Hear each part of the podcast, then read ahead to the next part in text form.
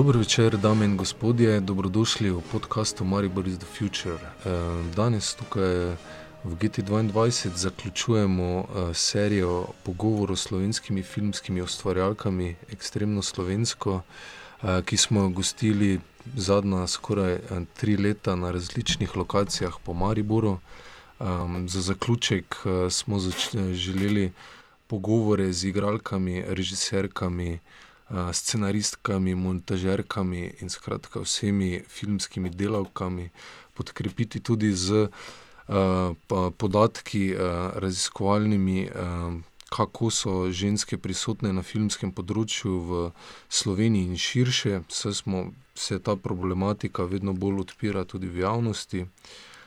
In smo ob tem, ob tej temi v naš studio povabili dve zanimivi gostji, Niko Gričer, raziskovalko, ki je iz za Filmski center opravila raziskavo zastopanosti žensk na filmskem področju. Pozdravljena, Nika. Živjo. In Tino Poglajen, filmsko kritičarko, tudi predsednico slovenske podružnice Fiprescia, pozdravljena, dober večer. Živjo, dober večer in hvala za vabilo. Hvala za, da si prišla, da sta prišli iz Ljubljane, namreč. Moram opravičiti tudi svojega običajnega sogovornika Miho Horvata, ki bi, ki je ponavadi moderira z mano pogovore ekstremno slovensko, namreč ima vaje v Ljubljani, torej danes promet med Ljubljano in Mariborom je pester. In pa upali smo, da bo nova sovoditeljica, kar bi bil tudi lep dosežek za zaključek te serije, Ivana Vogrinc Vidali, študentka režije, a je ravno danes zbolela, tako da bomo ta pogovor prestavili na naslednjič. Za začetek, Nika, bi te prosil, da mogoče začneš za uvod s predstavitvijo podatkov, rezultatov raziskave, do česa si prišla, kakšna je situacija v Sloveniji. Ja, hvala za besedo. v bistvu ta študija je bila prvič predstavljena na Festivalu dokumentarnega filma v Cankarjevem domu. mislim, da se je Slovenski filmski center, predvsem zavzel za to, da se preveri tudi, kakšno je stanje v Sloveniji, koliko režiserk imamo, koliko filmov posnamejo v v komparaciji z režiserji in ostalimi filmskimi ustvarjalci. Tako da na tem dogodku, bom tako začela, je bilo, kar se tiče dvorane, je bila pretežno zelo polna, bilo je pa večinoma poslušalk žensk. okej. med drugim se je tudi Slovenski filmski center odločil, da povabi predstavnika Euro-Imaga, ki je ena organizacija, ki podpirajo koprodukcije in so se eni izmed prvih zavzeli za to, da tudi oni prištejejo, koliko se financira filme režiserk in koliko režiserjev. med njimi je bila tudi predstavnica Švedskega inštituta, ki je predstavila v bistvu, kako so si oni zastavili cilj doseči, enakost spolov v švedskem filmu. in v bistvu ta cilj dosegli že dve leti nazaj.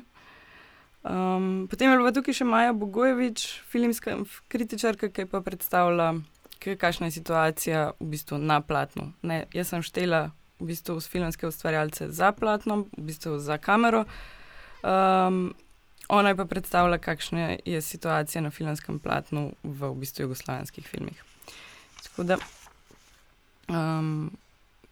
mogoče bi za začetek povedala, da ta, študija se v bistvu ni dotikala, ni analizirala, kakšno filmsko produkcijo ima RTV Slovenija, tako da teh številk ne poznam in jih ne vem. mi smo, jaz sem se predvsem osredotočila na nacionalno podporo Slovenskega filmskega centra in pa njegovega predhodnika ter na v bistvu situacijo, koliko imamo, diplomiranih režiserjev, režiserk in koliko jih je samozaposlenih v kulturi, zaradi tega, ker v bistvu režiserji oziroma filmski ustvarjalci so ponavadi tisti, ki so res prekarni v tem smislu, da so samozaposleni in niso tako kot recimo neki gledališki igralci, ki so zaposleni v gledališču, tako da njihovo delo je pač freelance, bolj ali manj. zdaj, če postavimo v kontekst, Slovenije, v slovenski prostor v EU perspektivo, je v bistvu mreža Eva naredila raziskavo, kjer so v bistvu ugotovili, da je eden od petih filmov režirala ženska. Um, in pa da v bistvu je diplomiran filmske režije v, teh, v, v evropskem prostoru približno dosega 44 odstotkov. Če to prevedemo v slovenski filmski prostor, je v resnici um, enega od devetih filmov, ki smo jih videli od leta 95 dalje, režirala režiserka. Um, ter v bistvu imamo v Sloveniji diplomiranih približno 30 odstotkov režiserk, pa 70 odstotkov režiserjev. Um, Zdaj, če, bo, če se navežem na te številke, tukaj je ta graf, ki je bil tudi prvi objavljen pa ki mislim, da tudi se navezuje na tisto sliko uh, iz te predstavitve, ko Hanna Slag drži ja. seznam uh, filmov, ta, ja. ženskih ja. filmark.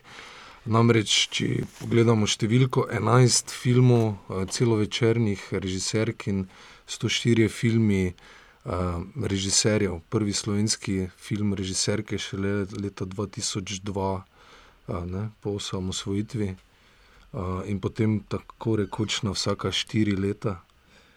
Uh, ja, v bistvu je Slovenija med drugim tudi tista država, ki pač nima vsako leto prikane, prikazanega filma, ki bi ga posnela režiserka. V bistvu moramo, smo veliko krat lahko čakamo par let, da pridemo do filma, da bi videli, ki ga je posnela režiserka. Mm, mm. Mm. Pardon, da sem te prekinil, lahko kar nadaljuješ. Ja, um, se pravi, diplomant, tako kot sem rekla, imamo 29 odstotkov, oziroma 30, samo zaposlenih režiserk imamo približno 32 odstotkov. Medtem ko je režiserjev 68 odstotkov, zdaj ko sem gledala te številke, oziroma sem jih ko sem gledala tudi vse celovečerne filme, ki smo jih posneli uh, v Sloveniji od leta 1991 do 2017, kar sem približno jih naštela 316, navezujem se na približno tri vire, je v bistvu od tega jih posnel 36 režiserk in 137 režiserjev. Um, ozirala sem se pa predvsem na um, knjigo Marcela Štefančiča, kjer piše vse celovečerne filme od leta 1991 do 2016, mhm. z rahlimi dopolnitvami. mm. Meni se zdi tukaj zanimivo, tudi kar si jih omenila po osamosvojitveni film um, da je dejansko velika večina, oziroma zelo velik del filmov, ki so nastali po letu 92, um, delo novih generacij režiserjev. Se pravi, se je zgodil ta premik iz ene generacije v drugo, um, po spolu pa nekako še vedno ne. No? Tako je. No, upajmo, da pač v prihajajočih letih vseeno nakazuje.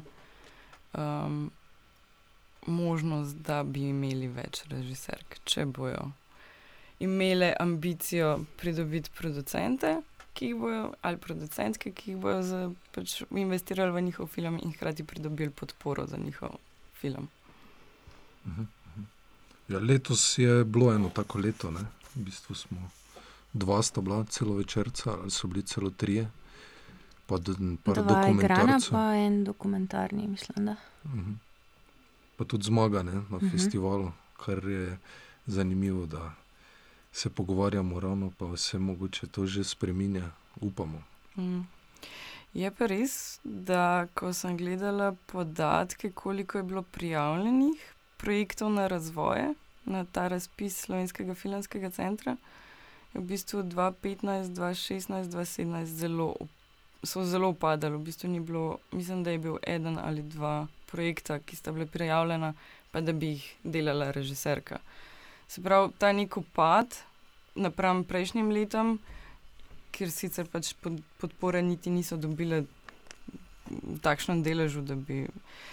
Vsem nakazuje na to, da je vprašanje, kaj bo pa naslednje dve leti. Zdaj smo dobili ta mhm. nek val eh, filmov z režiserkami, ne vemo pa v bistvu, kako bo šlo naprej.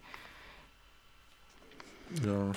Ja, jaz tukaj bi rekla še to, da mm, ja, da je res, da je tudi manj prijav um, žensk kot moških, torej projektov, ki bi jih snemale ženske.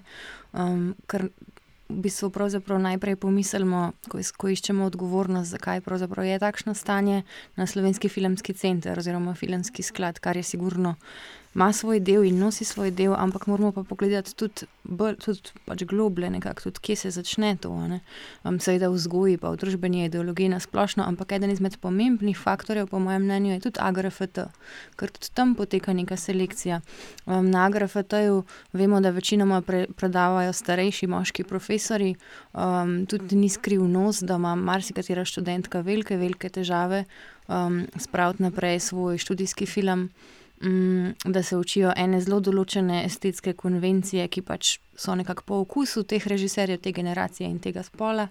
Um, tako da, ja, treba je, po mojem, tudi na to biti pozoren. No? Ko si že ravno to izpostavila, je potem, mislim, sicer moja študija ni raziskovala vzrokov, zakaj je situacija taka, kakršna je. Ampak mislim, da sta še dve stvari. Prvič je strokovne komisije, ki odločajo o podpori filmskim projektom, kako so sestavljene druga je pa tudi, kdo producira same filme. Um, in mhm. če se navežem na strokovne komisije, je v bistvu um, delež članov in članic bil v obdobju 2012-2017, um, je bilo v bistvu na razpisu za realizacijo je bilo razmerje v bistvu štiri petine za člane, eno petino za članice. In to je razpis, kjer se v bistvu podeljuje najvišja, največ sredstev za celovečerne filme. Medtem ko uh, v komisiji za audiovizualna dela, to so primarno dela, ki niso namenjena kinematografski distribuciji, ampak za predvajanje v medijih, v tej uh, komisiji je bil dejansko delež 50-50, 50 članic, 50 članov. In to je tudi razpis, kjer so v bistvu uh, filmske ustvarjalke oziroma režiserke bile razmeroma uspešne in so dobile, so imele veliko, visoko stopnjo uspešnosti pri prijavljenim in podprtim projektom. Medtem ko pač pri realizaciji je stopnja uspešnosti zelo nizka za ženske režiserke. Hm.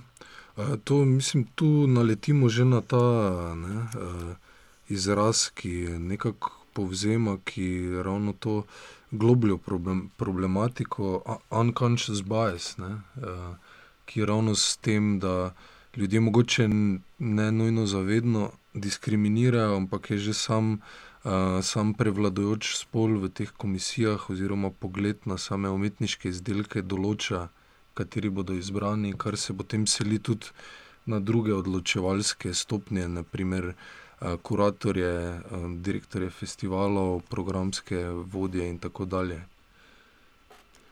Ja, jaz tudi mislim, da tukaj ni v zadnji enega zlobnega načrta. Um, pa noben seveda noče zavestno diskriminirati. Ampak zanimivo je, da se ta argument res kar naprej in naprej ponavlja nekomu ni um, važen spol, ampak kakovost umetniškega dela. Ne? Ampak ne vprašajo pa se, kdo določa. Kdo pa določa, kaj je kakovostno? Ne? Vemo, da so bila različna dela različno obravnavana v različnih zgodovinskih obdobjih, v različnih državah, seveda pod različnimi sistemi in tako naprej. In seveda moški, ki danes še vedno živijo drugačna življenja od žensk, večinoma, um, nekako je jasno, da imajo drugačne izkušnje in da, boj, da jih bodo pritegnile subjektivne zgodbe, da bodo tukaj videli neko večjo umetniško vrednost, ker se jih bodo dotaknili svojo osebino, ne, ker so mogoče sami doživeli nekaj podobnega in obratno ne, za ženske. Um, tako da ne vem. Meni se zdi, um, doskrat pa ne, da bi hotela namerno gledati filme ženskih režiserk ali pa brati knjige pisateljic, ampak se kar nekako zgodi, da potem na koncu večkrat jih, ker me pač enostavno se z njimi bolj povežemo. Mm. Um, tako da, ja, no, tukaj ni zlobnega plana, ampak to je, um, to je nekaj čist um, normalnega, samo treba se je pa seveda tega zavedati. Uh -huh, uh -huh.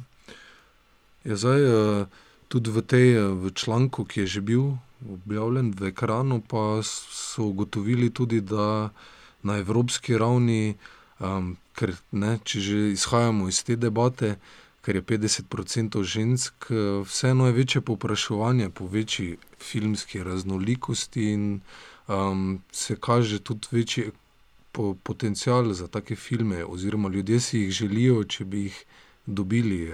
Kaj, um, kako, to, kako si to razlagaš, Nika, oziroma kak, kaj so ti rezultati pokazali na tem področju?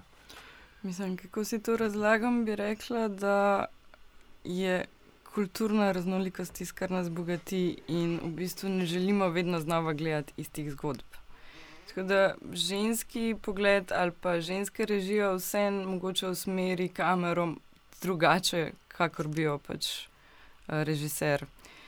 Ne vem, ko sem premišljala na poti sem, uh, sem razmišljala tudi o filmu, recimo Košarkar naj bo, ki je bil lansko leto zelo uspešen med našimi gledalci. In sem si predstavljala, zakaj pa ne bi bil drugi del plavalka naj bo ali pa rokometašica naj bo.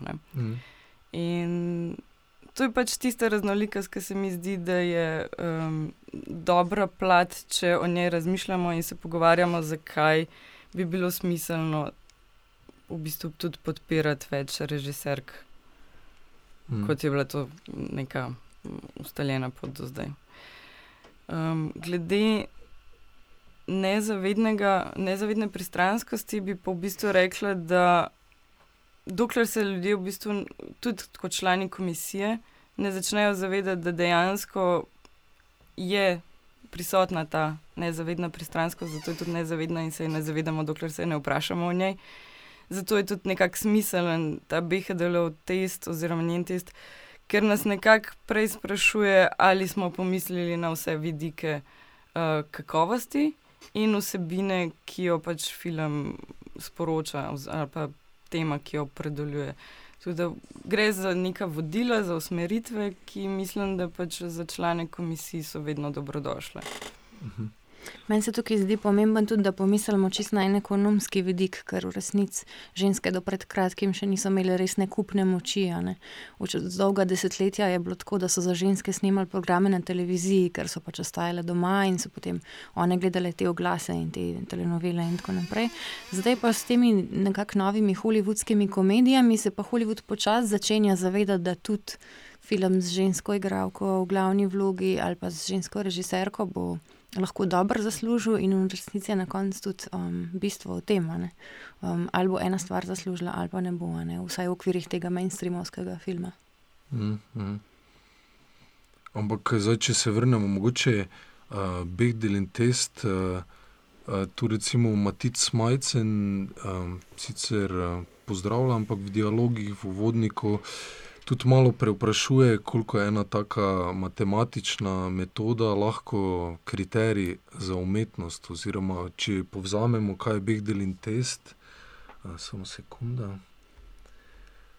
Torej, ne striparka Alison Begdel leta, je leta 85 uh, obja, objavila v bistvu test, kaj je uh, neke spolne, spolne emancipacije uh, kjer uh, meri, koliko je nek film oziroma neko delo zavedno. Uh, če preštejemo, samo sekunda, prvič, če pripoved, ki jo imajo pred seboj, vsebuje dva ženska lika. Ki se drugič pogovarjata, druga z drugo, in to tretjič o čem drugem kot o moškem. Uh, kar je seveda iz, naše, iz vidika našega debate, če eh, splošno debatiramo o prisotnosti žensk v filmu, vsekakor dobrodošlo, ampak koliko se lahko takšno merilo zdaj recimo uvede v, v samo filmsko sfero, lahko je mogoče sporno, eh, kot se zdaj že v Ameriki dogaja, torej da bi morali imeti eh, v vseh filmih v bistvu spolne kvote, torej da bi mogli imeti na vseh področjih, ne vem, enako že igralk ali enako eh, ali so scenaristko. Um, samo ni to mogoče tudi pre, prevelik uh, umetniški poseg, oziroma poseg v neko umetniško svobodo. Ne? Na zadnje tudi moške filme hočemo gledati naprej, ampak seveda morajo tudi ženske dobiti priložnosti, da delajo pod takimi pogoji kot moški. Ja, jaz mislim, da to vsekakor ta Bedelin test ni določevalec nobene umetniške vrednosti. Tukaj gre čisto preprosto sam za dol, pač nekako testiranje ženske prisotnosti v filmu. Ampak to nič ne pomeni o umetniški vrednosti, ja. nič ne pove o umetniški vrednosti filma. Ne. Mislim, da ta test je zanimiv zato, ker pravzaprav, če ga naredimo na takih filmih, mislim, na večini filmov, ugotovimo, da ga zelo velika večina filmov ne prestane. Ne. Mhm. Tako da jaz mislim, da to ni čist zanemarljiv kriterij. Seveda pa to ne sme biti absoluten in tudi mislim, da ni, no, da ga nihče ne jemlje kot določevalec umetniške vrednosti. Ker konec koncev je film lahko film samo z moškimi liki in lahko raziskuje neke težave moškosti in je to še vedno lahko feminističen film. Mhm. Um, da, ampak jaz mislim, da se ga itek ne jemlje na ta način. No. Aha, ja, ne, v bistvu smiselno je, da se ga pač eh, člani komisije nekako zavedajo, da obstaja pač nek tak test eh, in ga v bistvu imajo zgolj kot vodilo, ne pa kriterij. Se pravi, ne zgubiš točk, ne dobiš točk, mislim, ne tiče se točkovanja. Bolj gre za vodilo, da preveriš prisotnost žensk na filmu, v tem Aha. scenariju. Recimo, čistko pač imam podatke, za kateri filmi niso prestali tega testa, in med drugim so to uh, Gospodar s prstanov, uh, Harry Potter, Avatar, uh, Klub golih pesti, uh, Oceanovih 12, Bruno. Gravity, Gravity se ne spomnim slovenskega naslova. Tudi The Social Network, ne ta o, o Facebooku mrežu. Mm tudi ga ne prestane. Ja, v takih primerih se meni zdi zanimiv ta test. Tako kot si omenila Harry Potter, vsem gre za eno čarovniško srednjo šolo, kjer nekako pričakujemo, ja. da sta oba spola nekako enako zastopana, pa pa ugotovimo, da se to ne zgodi v tem smislu. Ja. E, pri drugih pa mogoče, recimo, kljub golih pesti, zdaj ne pričakuješ. Tam pa niti ne pričakuješ v resnici. Ja. Ja, ja. Uh, ja, torej, če se dotaknemo še mogoče malo, um, kaj, so ti, kaj so ti še številke pokazale, kaj si še nam uh, želela predstaviti? Ja, v bistvu lahko se še ozremo na podatek, kdo producira filme, režiserk in režiserjev. Um, samo da pridem do njega. Torej, um, od 13 filmov, ki so jih posnele režiserke, jih je v bistvu 38 odstotkov produciral moški producent, 38 odstotkih jih je producirala ženska, in v 30, 23 odstotkih je bila produkcija spolno mešana. Medtem ko od 105 filmov, ki so jih posneli režiserji, jih je pretežno v bistvu skoraj v 80 odstotkih produciral moški v desetih odstotkih producirajo ženske in v devetih odstotkih je produkcija spolno mešana. Kar hočem povedati, je, da v bistvu se tudi pri produkciji, oziroma pri relaciji producent-režiser, producentka-režiserka, vidi, da v bistvu uh, se pogosteje zgodi, da filme režiserk producira tudi ženska. In pogosteje se zgodi, da mo, uh, filme režiserjev producira tudi producent. Se pravi, da tukaj se pokaže ta teza, da če imamo več filmov z režiserko, pomeni, da bo tudi filmskih ustvarjalcev, ki bodo sodelovali pri tem filmu, verjetno več žensk in bo s tem pač tudi prisotnost filmskih ustvarjalk bolje zanačena kot. Uh, je trenutno v tem uh, situaciji, trenutno, ker trenutno imamo po teh podatkih, ki sem jih zbrala, je nekako razmerje, da je v bistvu 27 odstotkov vseh filmskih ustvarjalk na teh ključnih pozicijah, kot so pač glasba, kostumografija, oblikovalka oblikovanje zvoka, fotografija, scenarij, produ produkcija, režija. Pač nekako v, bistvu v teh 117 filmih, ki jih je podprl Slovenski filmski center od leta 1995 do 2017, ki so bili prikazani tudi, ne, ne samo da so bili samo podprti, ampak tudi prikazani. V teh filmih je, v bistvu, je bilo razmerje films, filmske ekipe 27 odstotkov žensk, uh, se pravi. 63 odstotkov. 73. 73 odstotkov moških. Mhm. Čeprav producentke verjetno raz, razmeroma več kot drugih filmskih poklicev. Ne? je vredno več žensk v poklicu producenta oziroma producentke, kot v poklicu vem, režiserke, direktorice fotografije. Dejansko je, mislim, da odstotek predvsej. Izena, mislim, je malenkost više, ampak ne bi pa zdaj rekla, da jih je to kar oblikovalk mask.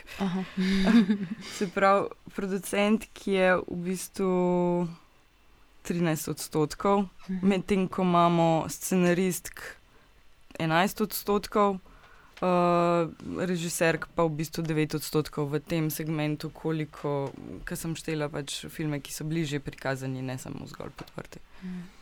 Ker sem uh, delala enkrat intervju z bivšim vodstvom filmskega centra in sem vprašala, če so kakšni načrti, da bi pač popravili um, to res katastrofalno stanje, kar se tiče zastopanosti spolov v slovenskem filmskem sektorju. In sem dobila odgovor, da ne, ni šans, ker so na švedskem to recimo naredili in zdaj nihče več ne hodi gledati filmov, kar seveda ni res. Um, poleg tega pa, potem pa da naj me ne skrbi, ker ženske so pa tako ali tako boljše producentke kot režiserke, tako da za nje mhm. je bolj primeren ta poklic, naj bi bil. Kar se mi zdi, da pač nekako odseva to. Mm, Mogoče nezavedno verjetje, da so moški bolj primerni za ene bolj ustvarjalne poklice, tisti, ki zahtevajo neko resnično nadarjenost, ženske se pa pogosto odrinejo v te bolj praktične stvari. Organizacijske, ja. administrativne, prelaganje papirjev in podobno. Ja, točno to. Mislim, tudi eh, ti podatki so mi tudi pokazali, da v bistvu režiserka je v vlogi producentke, lastne producentke svojega filma nastopila v bistvu pri petih filmih od skupno 13. Mhm. Um, Medtem ko je režiser v vlogi režije in producenta svojega filma nastopil pa pri 24 filmih od 105. Se pravi nekje se ta delež pri ženskah, sicer so to mehne številke, ampak se dvigne za približno 15 odstotkov, da ženska pogosteje igra obe vlogi, režije in produkcije, mm, kot pri mm. moških. Samo to, kar si omenila, Tina, to pa nismo več v unconscious bias, to pa recimo pa obe, ko sta omenili. To pa so že neke družbene vloge, ki jih tudi uh, družba vsiljuje in mm.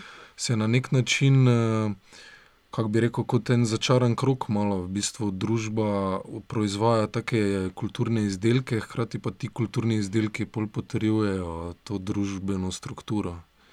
Ja, mislim, meni se zdi to, to globoko zakorenjena stvar in pač, če bi iskali od kje vse to izvira, bi verjetno prišli na koncu do Dekarta in do te dvojnosti uma in telesa, ne? ker je bilo vedno nekako, da telo je bolj, da so ženske bolj telesne, moški so bolj racionalni. In, in kar seveda določa celo vrsto stvari, celo življenje, ne? če bi nekako temu sledili.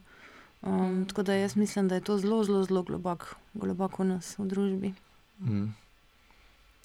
Ampak uh, zdaj, recimo, uh, v končni fazi pa se mi zdi, da je sporočilo tudi tega boja, da v končni fazi ne govorimo zdaj o ženskem in o moškem filmu, ampak da v bistvu vsak posameznik dobi, pač, če ima talent, če pokaže enako možnost, da ta film naredi in lahko da bo ne vem. Po teh standardih, ki zdaj v družbi veljajo, moški naredi bolj ženski film in ženska lahko naredi bolj moški film, če se malo poigramo z temi izrazi, ki se tudi replicirajo neke stereotipe. Ne, ja, gotovo. Mislim, kar po mojem itak Vsaj teoretično bo zelo težko doseči popolno enakost, dokler še vedno obstaja nek binarni spol. Ne? Ker ta sam koncept binarnega spola že vsebuje hierarhijo, mm. um, tako ja. kot koncept trase. Um, tako da, ja, končni feministični cilj uh, je seveda izničenje spola, ne? ampak, ampak nekako, dokler, dokler pa nismo tam, pa strateško prevzamemo te, to pozicijo žensk, ker pač lahko rečemo, da kot skupina, ki smo ženske, imamo drugačne izkušnje. Ja, mm, ja. aha, okay. Zakaj pa, če gremo iz nekih um, teoretičnih in raziskovalnih vod, mogoče na osebne izkušnje? Prej smo se pogovarjali, um, da je sodelovanje ženske pri filmu ali vodenje ženske uh, snemanja pri, prinese tudi več uh, priložnosti za druge ženske. Uh, zdaj, ravno sem bral tudi prvi intervju uh, v tej seriji Extremno slovensko s Katarino Stegnar. Ker opisuje pač svoj način dela z recimo Sonijo Prosenc, ali pa s kakim drugim starejšim uveljavljenim eh, režiserjem.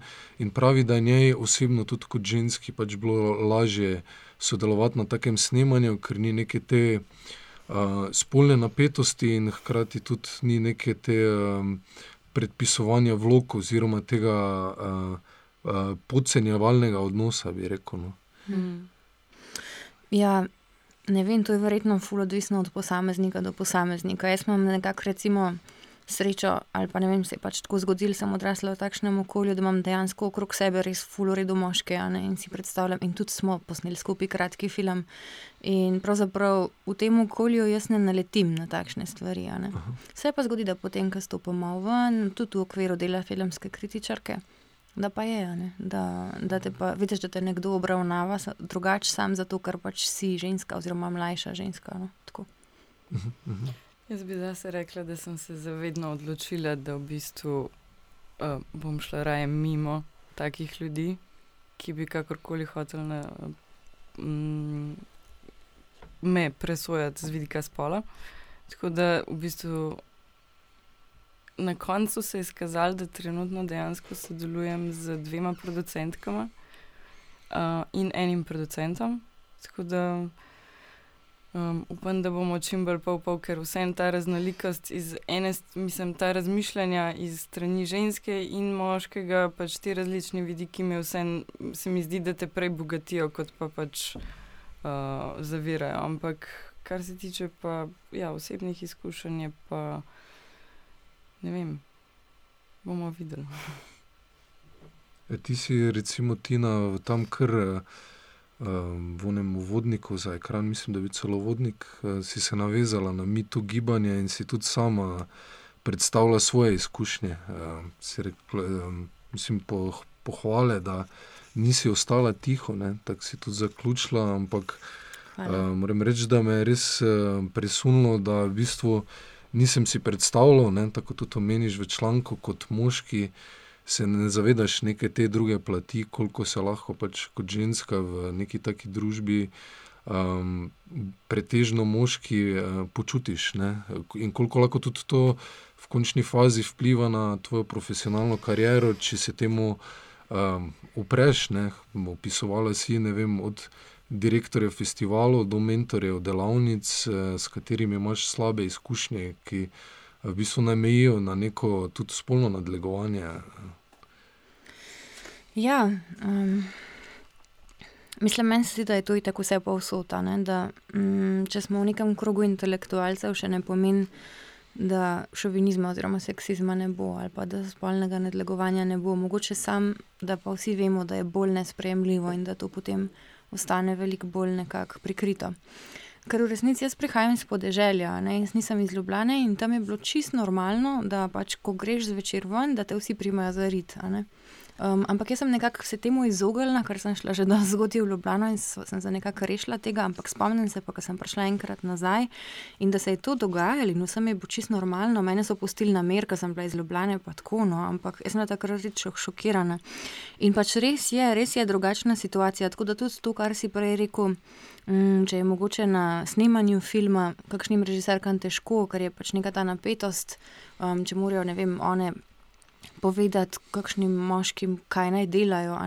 Um, si predstavljam, da je to verjetno težje, ne vem, mogoče na Hrvaškem kot na Švedskem. Hmm. Um, je verjetno drugačna situacija. Drugače pa, kar se pa tiče tega spolnega nadlegovanja v filmski kritiki, moram pa reči, da večina teh stvari se mi je zgodila v Sloveniji. No. Um, nekako, ko hodim na festivale v tujino, se mi res ni, no, sem tudi kar imela to srečo, ali pa pač zaradi drugačnega okolja, ne vem, tega pa ne bi znala precentno. Tako da v bistvu ta članek je bil še nekako dvojno problematičen, zato ker mhm. sem tudi vedela, da bodo ti ljudje, ki jih sicer nisem poemensko navedla, to prebrali. In se prepoznali. Ja, verjetno.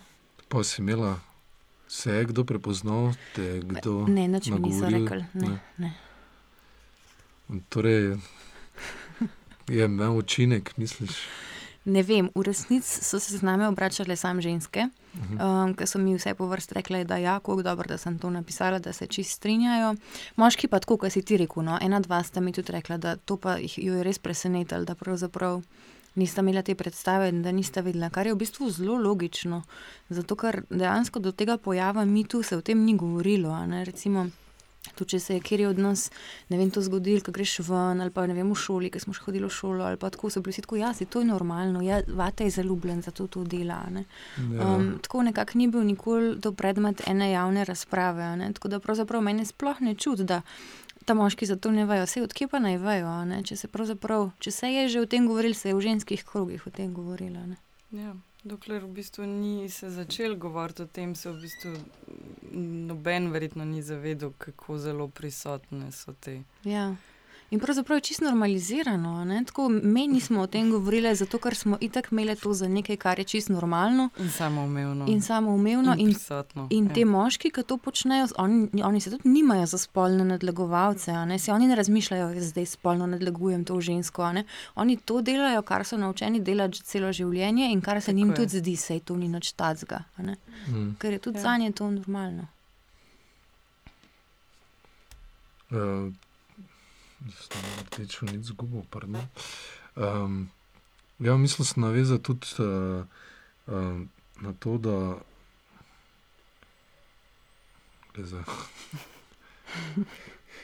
V bistvu sem si že oblikoval vprašanje v glavi, pa mi je zdaj uh, izpadlo. Uh, kje smo ostali? Da imamo pauzo, buki to me. Vse moramo vam porezovati. Uh, čakaj, no, kaj se zdaj mislim navezati, tako vredno, ne? pa mi je zdaj iz glave padlo.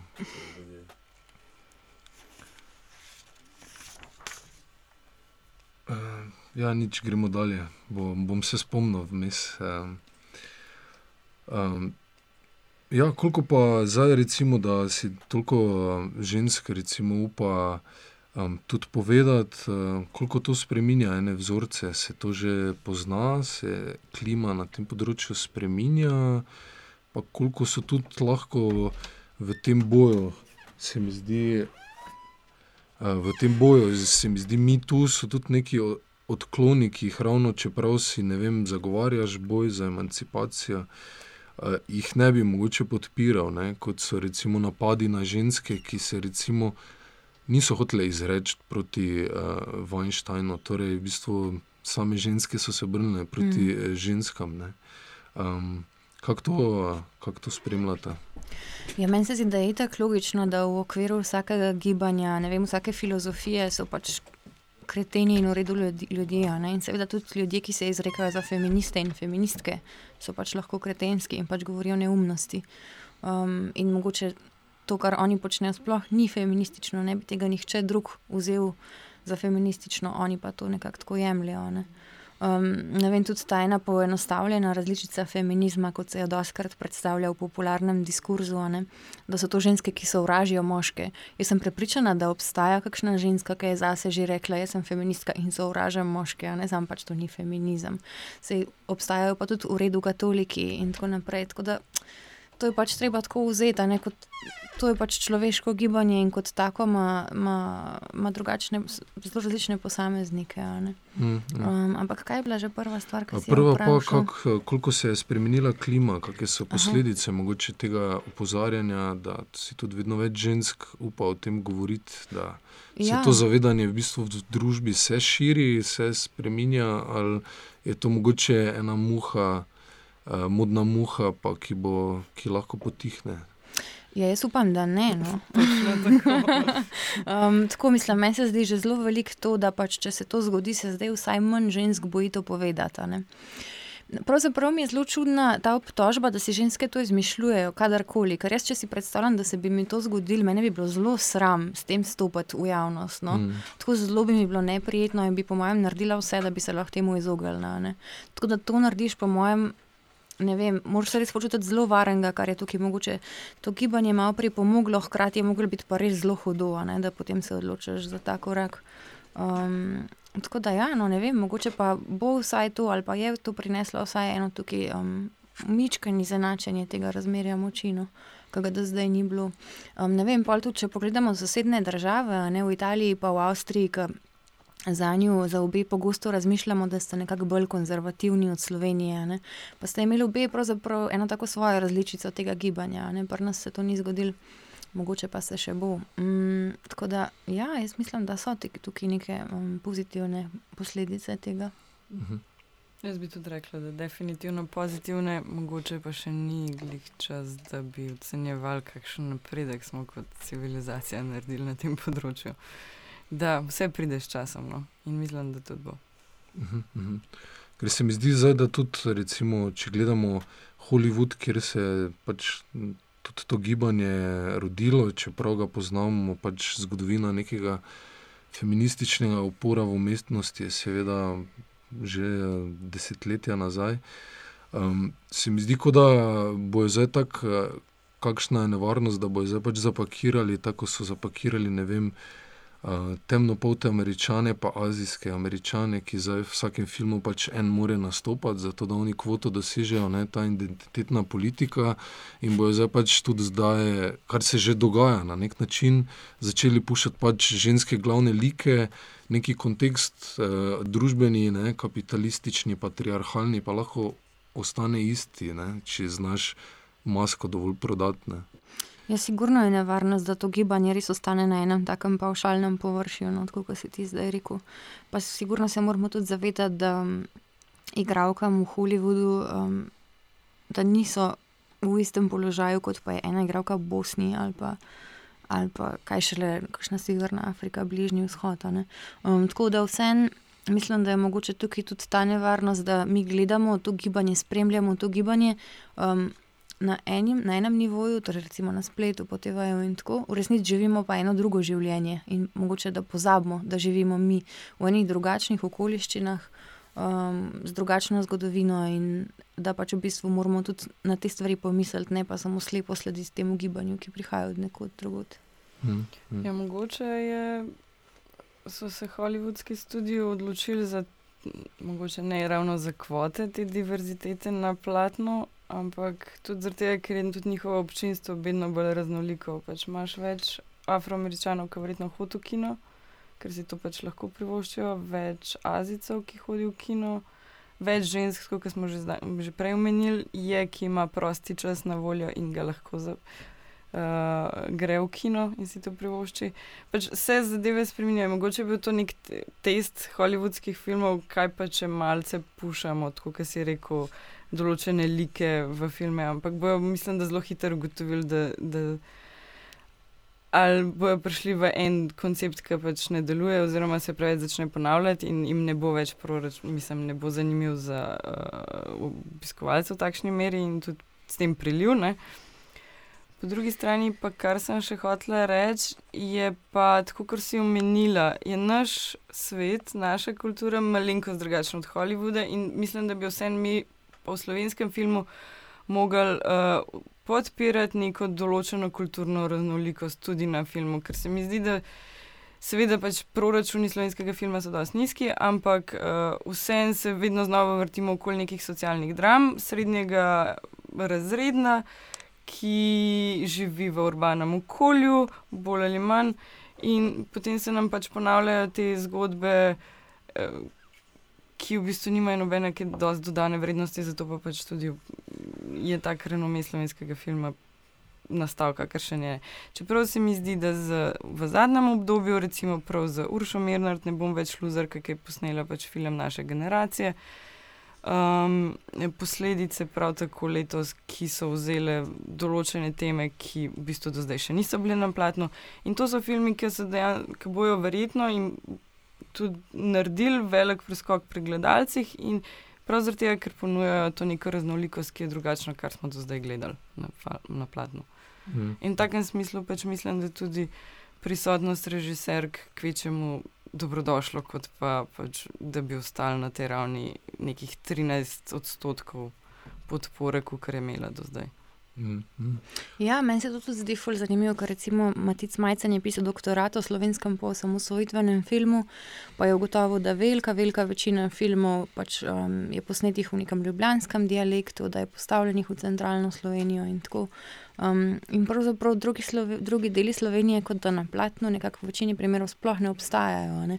Da ni drugega dialekta v Sloveniji kot in to že pravzaprav se že um, naša glavna radio in televizija pravzaprav to fura, ne? to standardno slovenščino, ki pravzaprav ni nič več kot en dialekt, ampak mm. je pa pač dominanten dialekt. Um, ne vem, potem tudi, kar se tiče.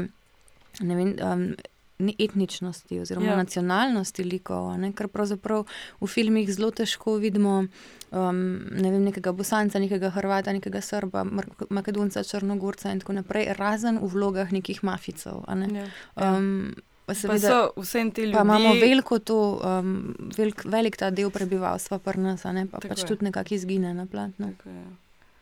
Um, jaz sem še hotel dodati, ko si ravno kar omenila dialekt.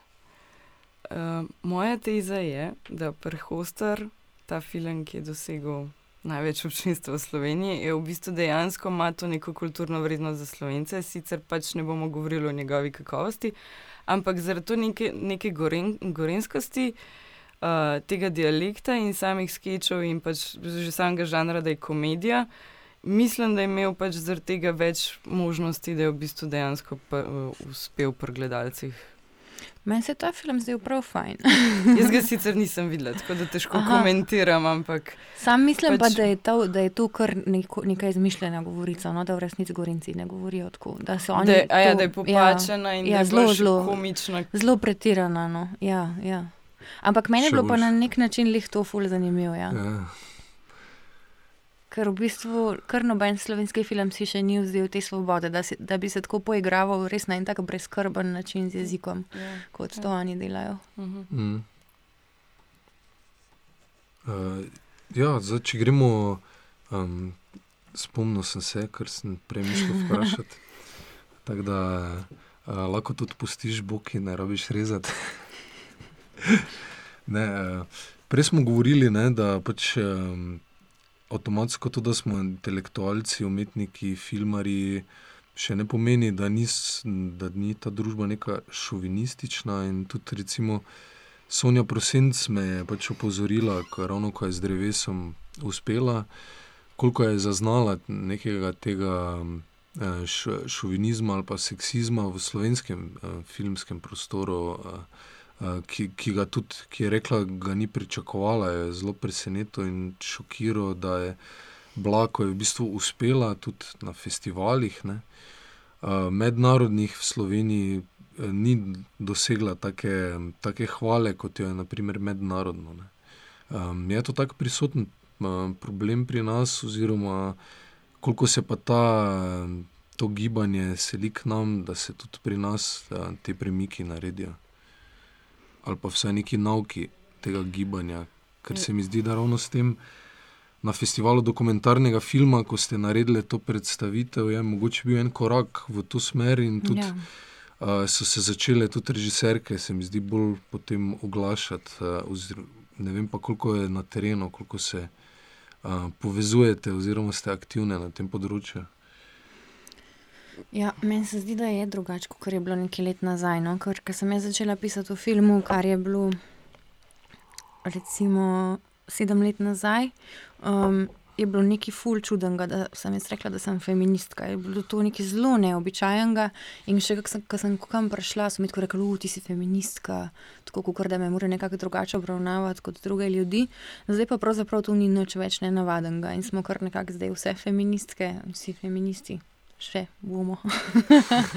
um, ampak tako, no, jaz sem se pa počutila, ko sem prišla kam drugam, recimo v Zahodno Evropo, um, pa sem se pogovarjala s kolegicami od drugot, je pa pogosto izpadalo tako, kot da sem jaz malo bolj konzervativna v, kakšnem pogledu, čist sam zato, ker so bile one dosti bolj navajene, že ful prej izpostaviti razne stvari, že ful prej postaviti meje, jaz pa nekako ne. Um, tako da čisto v tem vidiku pa jano.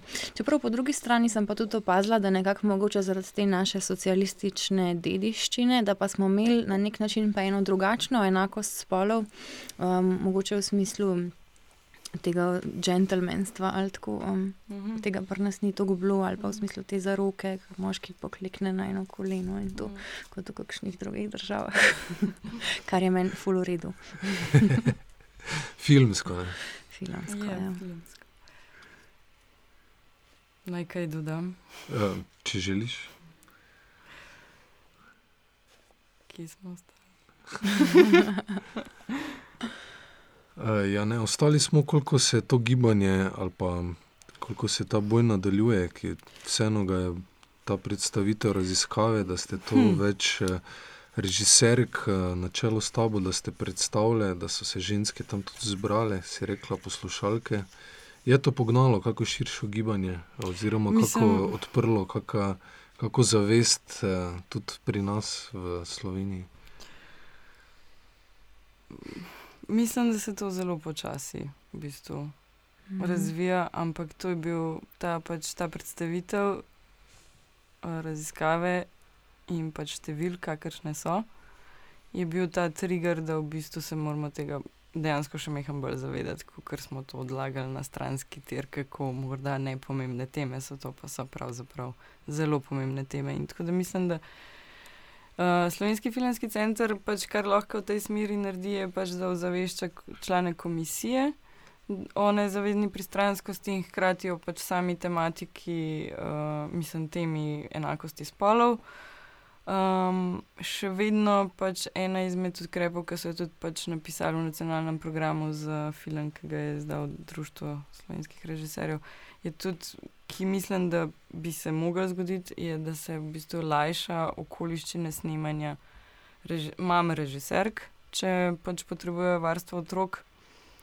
Ali, um, potem pa nekako se mi zdi, ko sem zdaj pogledala rezultate uh, letošnjih razpisov, sicer Aha. Nisem nič še preštela, ni še nič preverjen, lahko sam na hiter povem, če najdem svoje zapiske nekje tu.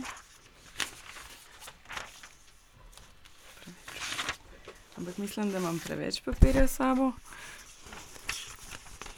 Ja, zelo lepo sem imela napisan, da v bistvu zanimivo je bilo, da za audio, audiovizualne projekte po spominu bi rekla, da dejansko je bila podprta samo ena režiserka oziroma en film režiserke in nekih devet filmov režiserjev. Ampak pri filmu, pri kratkem filmu, pri tem razpisu, pa pri filmu za razvoj scenarijev, je pa v bistvu razmerje 4 proti 3. 4, eh, recimo, kratki filmi režiserjev, pa 3 filmi režiserk. Mhm. Uh, in enako je pri scenariju. Tako da tukaj nekje se mi zdi, da je komisija morda naredila dobro delo. Bomo pa videli, kaj bo iz to, kar so podprli, kaj bo tudi nastalo. Mm, dobro, zveni, mislim, se mi A- zdi. Ja, povej, Mogoče še za celo večerni film, seveda. Ja, povej. Ja. Uh, tukaj je pa dejansko razmerje, mislim, da 6 proti 1. Se pravi, letos je bila podprta ena režiserka, ki bo posnela svoj celovečerni dokumentarni film, in šest režiserjev, od tega pet, ki jih bo posneli igrani celovečerni film, in en, ki bo posnel dokumentarnega. Aha. In te filme bomo gledali kdaj? Čez 3-5 let. Dve, tri, pet let, ne vemo, ampak uh, ne, nimam, pa, nimam pa informacije, pač, koliko je bilo prijavljenih, kakšno je bilo raz, razmerje že pri prijavljenih filmih. Tako da je težko. Mm. To so pač preprosto gole dejstva in s tem namenom mislim, da se je tudi SVC odločil, da hoče pač preveriti ta gole dejstva, mi pa lahko potem pač diskutiramo, ali smo za enako spolov ali pač ne. Ja, nek prvi korak, ne, upamo, da k spremembi. Ja. Kaj pa mogoče veš tudi, eh, ne vem, osebno, zadnjič ravno sem omenil, čisto slučajno sem srečal eh, eno, ki je diplomirala tudi iz AGRFT, iz režije, pa mi je pač razlagala, kam se zgubijo te režiserke. Ne? Če gledamo, da jih vseeno 30% diplomira na akademiji, potem pri filmih pa smo tam 10 do 15%, ki jih ustvarjajo. Um, na koncu pač Oziroma še zgubljamo potencial, ne, kakovost, uh, um, Ja, nek ne, talent. Ne. Ne vem, kje se zgubijo, dejansko celovečernih filmov ne ustvarjajo. Uh, ustvarjajo mogoče audiovizualna dela, ki niso prvenstveno namenjena kinematografskemu predvajanju, ampak so namenjena me, eh, pred, za predvajanje v medijih. Morda se zgubijo na RTV Slovenija, tam situacije ne poznam, um, ali pa grejo celo v tujino. in snemajo v tujini, pa še vedno obdržijo ta status in so še vedno v tem korpusu, ki sem ga jaz preštela. Uh -huh, uh -huh. Pa misliš, da jih lahko dobimo nazaj, oziroma mislite, oziroma kako jih lahko pritegnemo? Jaz mislim, da filmari nasploh, ki grejo v tujino, je zelo težko dobiti nazaj. Um, tudi če pogledamo ta dva naša, Mitja Okurna in Ulmo, Ulmo Merzuja, mm. mislim, da noben ne kaže kakšne pretirane navdušenosti, da bi bili na slovenskim produkcijskim okoljem. Ja. Tako da kaj šele, če si pač ženska. Ja, ne. Tako je. Torej, že filmar je ja. skoraj da marginalna ja. skupina ja. v Sloveniji. V resnici, ja. Če si pa marginalna skupina znotraj mm -hmm. marginalne skupine, pa no, uh, je še toliko teže. Ja. Porha, Madonna, zdaj bomo tako negativno zaključili. Prej sem jih mislil zaključiti, pa sem še eno vprašanje postavil, ker si tako lepo. Uh, Pozitivno povzela rezultate razpisa. Ne, sej, ja, sej bomo videli, kako bo letos na razvojih projektov. Ampak za kratki film, kar se mi zdi super, tega, ker pač v bistvu kratki filmi naj bojo namenjeni predvsem mlajši generaciji režiserjev, zato da pač nekako razvijajo svojo avtorsko vizijo. Um, ne da se učijo filmske obrti, ampak ja, po eni strani tudi, da se učijo filmske obrti. Tako da mislim, da je prav, tudi ko sem pogledala uh, generacijsko, so v bistvu ti režiserji in režiserke, ki so dobili kratki film, so bolj ali manj mlajša generacija. In to se mi zdi tudi ena pozitivna stvar. Zato, ker um, je prav, da na kratkem filmu v bistvu začne. Uh, človek režirati, potem pa pač nadaljuje naprej pot proti daljši, širši formi od dokumentarnega igranega. Um, bomo pa videli tudi, kako bo letos na prvencih, pač kakšni bodo rezultati. Zaenkrat je šlo tam režiserkam mladim zelo odlično. Seveda je potem vprašanje, ko pridejo do drugega, tretjega, so, je statistika hudo nižja mhm. in je pač spet. Um, nekako se pojavi problem, kam nam odhajajo te režiserke. Tako da je ja. tako približno. Mhm. Jaz se ne strinjam s tem v kratkem filmu, ampak to je mogoče za kakšno drugo debato. Ker meni se pa ne zdi, da je kratki film ena taka učna forma, ampak se mi zdi, da čist... si, absolutno nisem tega trdila. Ja, ok, ok. Zagotovo ne. Ampak. Uh, zaenkrat je tako izgledalo, da ga dobivajo, mislim, da pač kratke filme realizirajo uh, režiserji v umestnem času, medtem ko nimajo celo večernega filma. Kar se mi pa v bistvu in potem dobimo uh, različne oblike kratkega filma, ki pa dejansko, mislim, ne vem, če imajo kaj dosti vloge v našem. Ne vem, vredno si jih tudi sama kaj dosti pogledala. Tudi sem jih, ja. pa se mi vsem zdi bolj smiselno, da pač mlajša generacija, mogoče prvenstveno, ko gre za nacionalno podporo. Mislim, ne vem, meni se zdi v resnici kratka filma, uh, kratek film, filmska forma, ki je lahko nekako najčistejši filmski izraz. Ne? Ravno zato, ker je kratek, ker si lahko eksperimentalen, ker lahko poskušaš nove stvari. Tako da ne vem, nekako jaz bi rekla, da tudi moraš biti že zelo zrel filmski ustvarjalec, pa zelo obvladovati ta medij, da lahko narediš res zelo dober kratki film. Je pa, res, da, je pa res, da pri nas um, so kratki filmi večinoma narativni, zelo malo eksperimentalne filmske produkcije, mm kar pa potem seveda čist razdrugač, čist ja, v bistvu, spremenito debato. Ne, Ne vem, kakšen je v bistvu odnos oziroma filmska, filmska politika slovenskega filmskega centra do dejansko eksperimentalnega filma in kje sploh, Mislim, kam ni, sploh spada. Da ni nikamor vključen. Tako ne. Ja. Tako da potem spet obvisimo, zakaj je mm. kratka forma in komu je namenjena. Ko gre za nacionalno podporo, se v bistvu gre za, mm. za sofinanciranje. Ne? Ja, mogoče debata za naslednji ja. podcast, ne kratki film, oziroma celo serijo bi lahko že delali o tem. ja. No, ampak če mogoče samo zaključimo, mogoče bi se tudi tu na Matica navezal.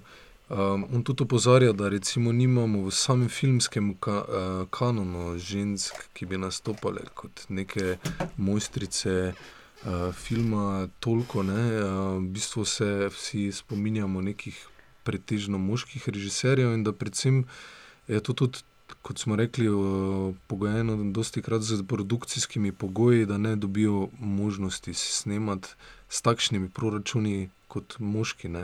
Torej, mogoče je ključna sprememba, kateri težimo ravno z temi raziskavami in opozarjanjem, je vseeno na koncu ta, ne, da se zagotovi neka produkcijska uh, enakost. Ja, gotov, gotov. Sam mislim pa tudi, da se je Matico vseeno malo sicer njegove članke zelo cenim, ampak tukaj pa mislim, da se je Mička nujel v ta argument, o katerem smo prej govorili, mhm. um, da kdo pa je tisti, ki določa, kaj gre v kanon, pa kaj Tako je mojstrovina. Ne? Um, v različnih obdobjih je to bilo ja. nekaj drugega. Ne? In pač ja, večinoma, ker so še vedno na odločevalskih mestih moški, se meni pravzaprav to ne zdi nič presenetljivega, da je tudi kanon pretežno moški. Mm. Je pa gotovo tudi res, da so imele ženske veliko slabši do, dostop do produkcijskih pogojev in da je to prvi ukrep. To se pa totalno strinjam. Ja. Mislim, zanimivo mi je, Matic, recimo v tem članku ni niti omenil Šantala Kermana, ki jo večinoma, ja, ja, ko govorimo o mojstrovinah ženskih režiserk, je ona ponavadi prva v vrsti.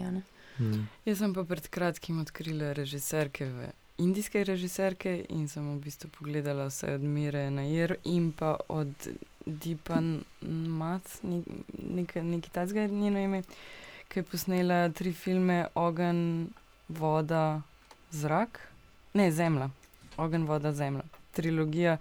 In se v bistvu vseh teh treh filmih dotika tem, ki jih zelo verjetno nikoli ne bi moški posnel, ker so pač tako ženske teme. In mi je v bistvu tem dejansko naredila zelo velik presežek, ker se je v bistvu dotikala tem, ki so nekako tabu teme. V indijski družbi. Hkrati jih je pa posnela z odlično kinematografijo, tako da uh, uh, se v bistvu vse skupaj zloži v neko, bom rekla, kar kultno klasiko, če, pač, če film pride do tebe, oziroma ti do njega. Mhm, mhm. To, to, je dober, to je dober zaključek. Mogoče res uh, še naštejemo par imen režiserk, eh, pa jih uvrstimo v ta kanon, če imamo to možnost. Ja. Kaj je še Mogoče najljubši film, najljubša režiserka, najljubši film režiserke, čeprav to ajde. Filmsko kritičarko to sprašovati. Ja, se tudi, sem jaz zelo na podobnem nivoju kot ona. Ja, če bi jaz mogla iskati filme, ki se jim reče moj strovina, bi jih rekla Žan Dilman, Čantala Karman, pa potem pa še enih par od Anis Varda. Mhm. Tako no. Ja, no, če sem šla pa v avantgardo, pa bom rekla Maja Deren pa še ena je bila, ki je ušla. pa ja, Sally Potter, pa Jane Campion. Ja. Ja. Sofija Kopola. Ja. Mogoče tudi ne. Ja, sicer nisem osebno tukaj. Ja, Mija Henson. Pa, pa Suzanne Bier, Danska. Ja. Ja. Pa kaj ona, ko je že naredila?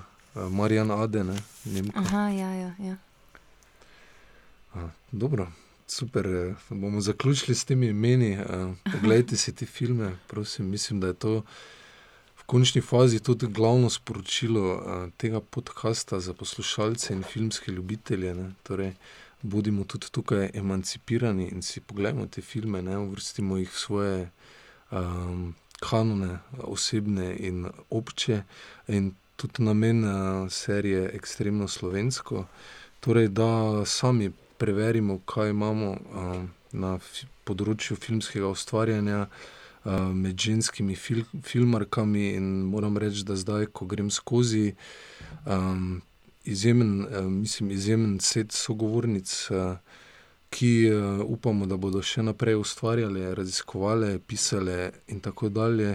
Tako da mislim, da ob nadaljem gibanju, um, ozaveščanju ljudi, um, se tukaj na tem uh, področju talenta in ustvarjanja ne rabimo bati. Um, hvala, Tina, hvala, hvala. Nika, hvala tebi, da ste naredili to piko z mano danes uh, na to serijo. In se že veselimo, uh, knjiga se že dela, mala garažna knjižica, kjer bodo te intervjuje in pogovori tudi v knjižni obliki objavljeni. Tako da uh, spremljajte nas naprej in lep večer. Seveda, hvala še Boku, da ne bom pozabil našemu tehniku. hvala Boku. da ne bomo se moškemu, na koncu smo se moškemu zahvalili.